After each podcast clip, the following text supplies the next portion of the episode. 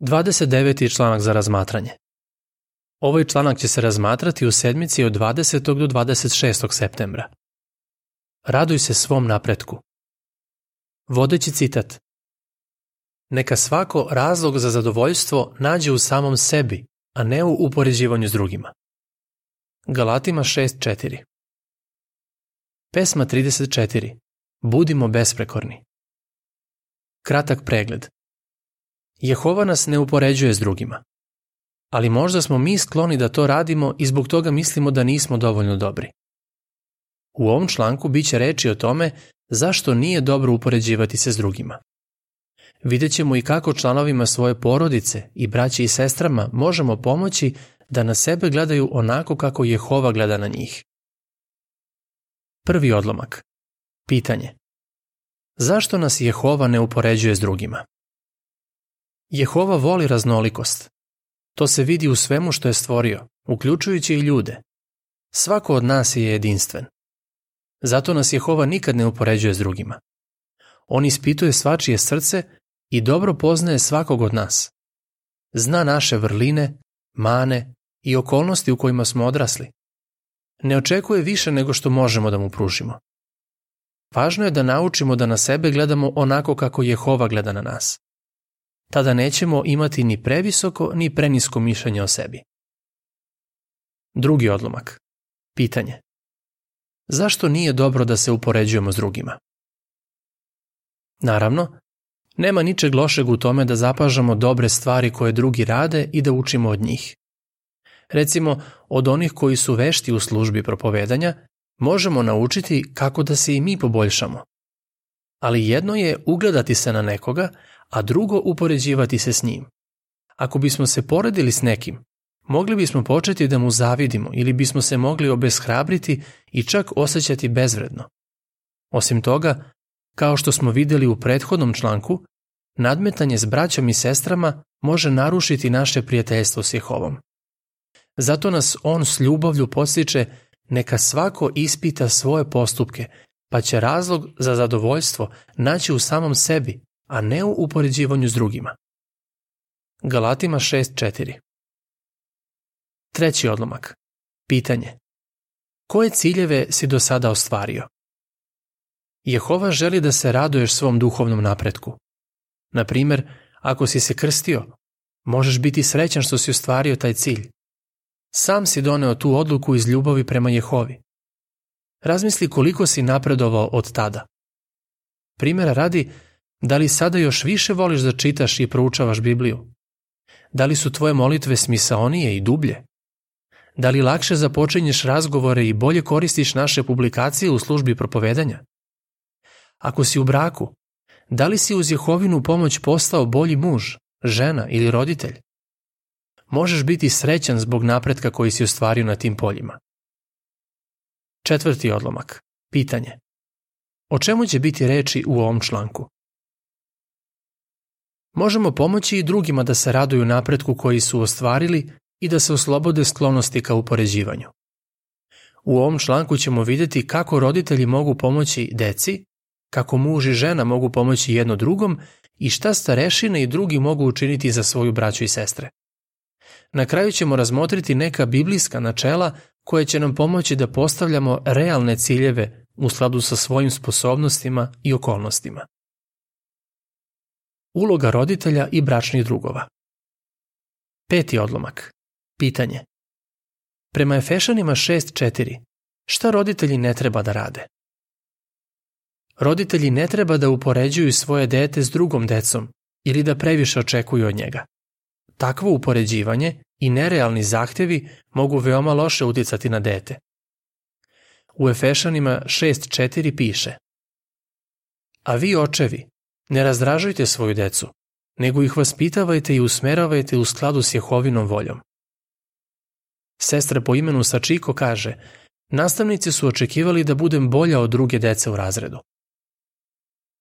Osim toga, mama je želela da budem odličan učenik kako bih dala dobro svedočanstvo nastavnicima i mom ocu koji nije u istini. Zapravo, očekivala je da bez greške uradim svaki test, što je bilo nemoguće. Prošlo je mnogo godina od kako sam završila školu, ali čak i kad dajem sve od sebe, ponekad se pitam da li je Jehova zadovoljan onim što radim. Šesti odlomak. Pitanje. Šta roditelji mogu naučiti iz psalma 131, 1 i 2? U psalmu 131, 1 i 2 nalazi se važna pouka za roditelje. Tu piše Jehova, moje srce nije ponosno, niti su moje oči ohole. Ne tražim ono što je za mene preveliko, niti ono što mi je nedostižno. Umirio sam i utišao svoju dušu kao malo dete u naručju svoje majke. Osećam se zadovoljno kao malo dete. Kralj David je rekao, ne tražim ono što je za mene preveliko, niti ono što mi je nedostižno. Bio je ponizan i skroman i to mu je ulivalo mir. Šta roditelji mogu naučiti iz njegovih reči? I oni treba da pokažu da su ponizni i skromni tako što neće očekivati previše ni od sebe ni od svoje dece. Važno je da znaju koje su jače, a koje slabije strane njihovog deteta i da mu postavljaju dostižne ciljeve da bi se ono osjećalo vrednim. Naša sestra Marina kaže Majka me nikada nije upoređivala s mojom braćom i drugom decom. Uvek nam je govorila da svi imamo različite sposobnosti i da smo svi dragoceni Jehovi. Zahvaljujući njoj, redko kad se upoređujem s drugima. Sledi objašnjenje slike koje se razmatra uz šesti odlomak. Roditelji su zadovoljni što svako dete daje doprinos dok tokom porodičnog proučavanja prave maketu Noeve arke. Tekst u sliku glasi Roditelji, pokažite svakom detetu da cenite njegov trud. Sedmi i osmi odlomak. Pitanje. Kako muž pokazuje da poštuje svoju ženu? Muž treba da poštuje svoju ženu. Iz njegovih reči i postupaka treba da se vidi da je ceni i da mu je važna. Ne treba da očekuje od nje više nego što ona može da pruži, niti da je upoređuje s drugim ženama. Kako bi takvo upoređivanje moglo uticati na nju? Naša sestra Rosa, čiji muž ne služi Jehovi, kaže da je on često upoređuje s drugim ženama. Njegove grube reči su narušile njeno samopoštovanje i navela je da sumnja da je iko voli. Ona kaže, uvek iznova moram da se uveravam da me Jehova ceni. Nasupro tome, muž koji služi Jehovi poštuje svoju ženu. On zna da time jača ne samo svoj brak, nego i prijateljstvo s Jehovom. U fusnoti piše Iako se ovde govori o muževima, mnoga navedena načela važe i za žene. Kraj fusnote. Muž koji poštuje svoju ženu hvali je pred drugima, govori je da je voli i pohvaljuje je. Tako se prema Katerini, koju smo spomenuli u prethodnom članku, obhodi njen muž i to je pomaže da se izbori s niskim samopoštovanjem. Majka ju je u detinstvu često kritikovala i upoređivala s drugom decom. Katerina je zbog toga svoju vrednost merila upoređujući se s drugima, čak i nakon što je upoznala istinu ali njen muž joj je pomogao da prestane da to radi i da stekne realnu sliku o sebi. Ona kaže, muž me voli, pohvaljuje me za dobre stvari koje radim i moli se za mene. Osim toga, podsjeća me na Jehovine predivne osobine i pomaže mi da se oslobodim negativnih misli. Uloga starešina i drugih u skupštini. Deveti i deseti odlomak. Pitanje. Kako su starešine pomogle jednoj sestri da prestane da se upoređuje s drugima?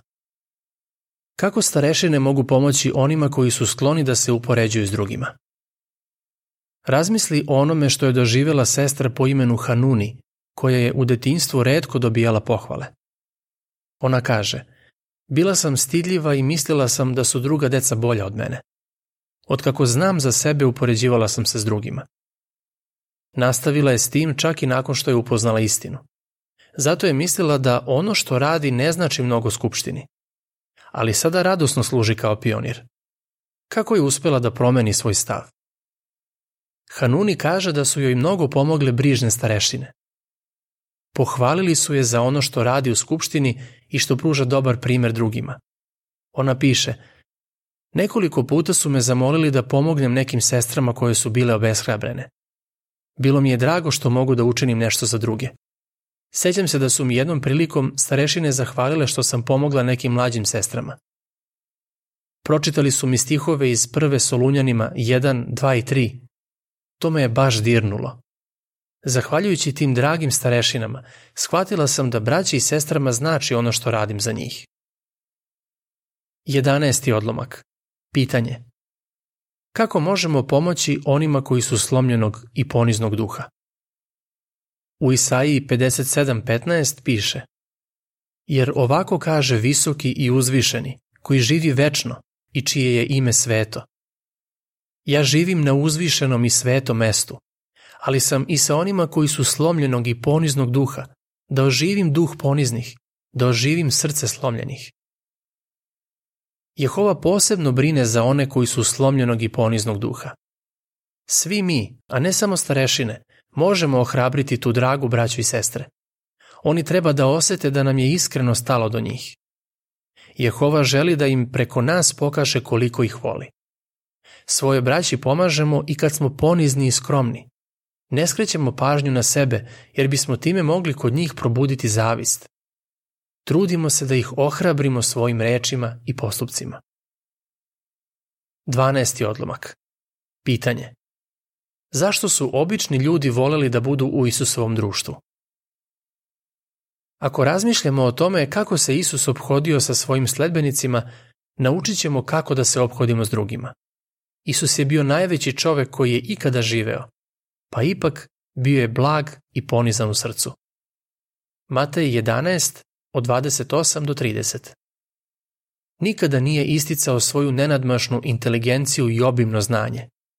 Dok je poučavao, jednostavno se izražavao i koristio je razumljiva poređenja koje su dopirala do srca poniznih ljudi.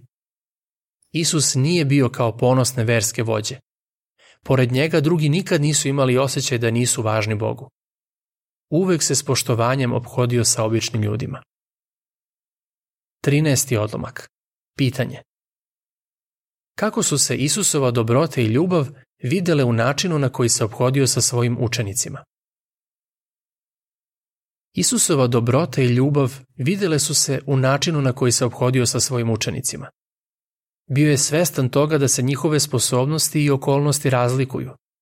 Zato nije svima poverio iste odgovornosti, niti je očekivao da isto postižu u službi. Ali cenio je kad je svako od njih činio najbolje što može. To se videlo iz priče o talantima.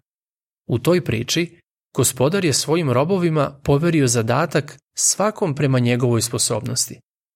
Jedan rob je zaradio više od drugog, ali obojica su vredno radila i zato ih je gospodar pohvalio istim rečima. Odlično, dobri i verni robe. Matej 25, od 14 do 23. 14. odlomak. Pitanje. Kako se možemo ugledati na Isusa? Isus je dobar i prema nama i voli nas. Zna da nemamo svi iste sposobnosti i okolnosti i zadovoljan je kad činimo sve što je u našoj moći. Dobro je da i mi postupamo s drugima poput Isusa. Ne želimo da se naša braća i sestre postide ili da se osjećaju bezvredno zbog toga što ne mogu da učine isto koliko i drugi. Uvek treba da tražimo prilike da ih pohvalimo zato što daju sve od sebe u služenju Jehovi. Postavljaj realne ciljeve. 15. i 16. odlomak. Pitanje. Kako je na jednu sestru uticalo to što je postavljala realne ciljeve? Duhovni ciljevi daju našem životu pravac i smisao. Ali važno je da se ne upoređujemo s drugima, nego da postavljamo ciljeve u skladu sa svojim sposobnostima i okolnostima. U suprotnom bismo se mogli obeshrabriti i razočarati. Pogledajmo šta je doživela pionirka po imenu Midori. Kad je bila dete, njen otac, koji nije svedok, stalno ju je upoređivao s njenim bratom i sestrom i školskim drugovima. Midori se zbog toga osjećala bezvredno. Ali s godinama je uspjela da izgradi samopouzdanje. Ona kaže, svakog dana sam čitala Bibliju jer mi je to pomagalo da imam unutrašnji mir i da osjetim da me Jehova voli. Pored toga, postavljala je realne ciljeve i molila se Jehovi da joj pomogne da ih ostvari. Zahvaljujući tome, Midori se radovala svom duhovnom napretku. sledi objašnjenje slike koje se razmatra uz 16. odlomak. Samohrana majka koja ima malo dete pravi raspored za pomoćnu pionirsku službu i srećna je što je ostvarila taj cilj. Tekst u sliku glasi Postavljaj realne ciljeve i bit ćeš srećan kad ih ostvariš. Uvek daj Jehovi najbolje. 17. odlomak. Pitanje. Kako da usvojimo nov način razmišljanja i šta ćemo time postići? Ne možemo se preko noći osloboditi negativnih misli i osjećanja. Zato nas Jehova podstiče da usvajamo nov način razmišljanja. Efešanima 4, 23 i 24. Da bismo u tome uspeli, treba da se molimo, proučavamo Božju reč i duboko razmišljamo. Radi to redovno i traži snagu od Jehove. On će ti dati svoj sveti duh koji će ti pomoći da savladaš svaku sklonost da se upoređuješ s drugima. A ako su se u tvom srcu pojavili zavist i ponos, Jehova će ti pomoći da prepoznaš i brzo iskoreniš te loše osobine. 18. odlomak. Pitanje. Kako te mogu utešiti reči iz druge letopisa 6, 29 i 30? U drugoj letopisa 6, 29 i 30 piše Pa ti molitvu ili molbu za milost uputi neko iz naroda ili ceo tvoj narod Izrael, jer svako zna svoju nevolju i svoj bol. Šireći ruke prema ovom domu, ti čuj s neba, s mesta gde prebivaš, i oprosti i daj svakome prema svim njegovim delima, jer ti znaš svačije srce. Samo ti dobro poznaješ srce svakog čoveka. Jehova zna šta nam je u srcu. Svestan je da moramo da se borimo protiv uticaja ovog sveta i svoje nesavršenosti. Još više nas voli kad vidi koliko se trudimo da se odupremo tim lošim uticajima. 19. odlomak. Pitanje. Kako je Jehova prikazao šta osjeća prema nama? Svoj ljubav prema nama Jehova je uporedio s ljubavlju koju majka osjeća prema bebi. Pogledajmo šta je napisala Rachel. Moja čerka Stefani je prevremeno rođena. Kada sam je prvi put videla, izgledala je tako sićušno i bespomoćno. Mesec dana je bila u inkubatoru, ali doktor mi je dozvolio da je svakog dana držim u naručju. To su bili posebni trenuci tokom kojih se među nama razvila neraskidiva veza. Ona sada ima šest godina i sitnija je od svojih vršnjaka. Mnogo je volim jer se toliko borila za život i presrećan sam što imam. Divno je znati da tako snažnu ljubav Jehova osjeća prema nama kad vidi koliko se trudimo da mu služimo najbolje što možemo. 20. odlomak. Pitanje. Zašto svaki Jehovin sluga može biti srećan? Kao što smo videli, svako od nas je jedinstven. Kad si počeo da služiš Jehovi, postao si dragocen deo njegove raznolike porodice. On te nije privukao k sebi zato što si bolji od drugih, već zato što je video da si ponizan i spreman da učiš i da se menjaš. Budi uveren da je on srećan kad daješ sve od sebe dok mu služiš. Tvoja istrajnost i vernost su dokaz da imaš čisto i dobro srce. Luka 8.15 Zato mu i dalje služi najbolje što možeš. Tada ćeš se radovati svom napretku. Kako bi odgovorio? Kako roditelji mogu doprineti da se njihova deca raduju svom duhovnom napretku? Kako starešine mogu pomoći braći i sestrama da osete da ih Jehova i drugi u skupštini vole i cene? Zašto možemo biti srećni kad služimo Jehovi celim srcem? Pesma 38. Bog će te ojačati. Kraj članka.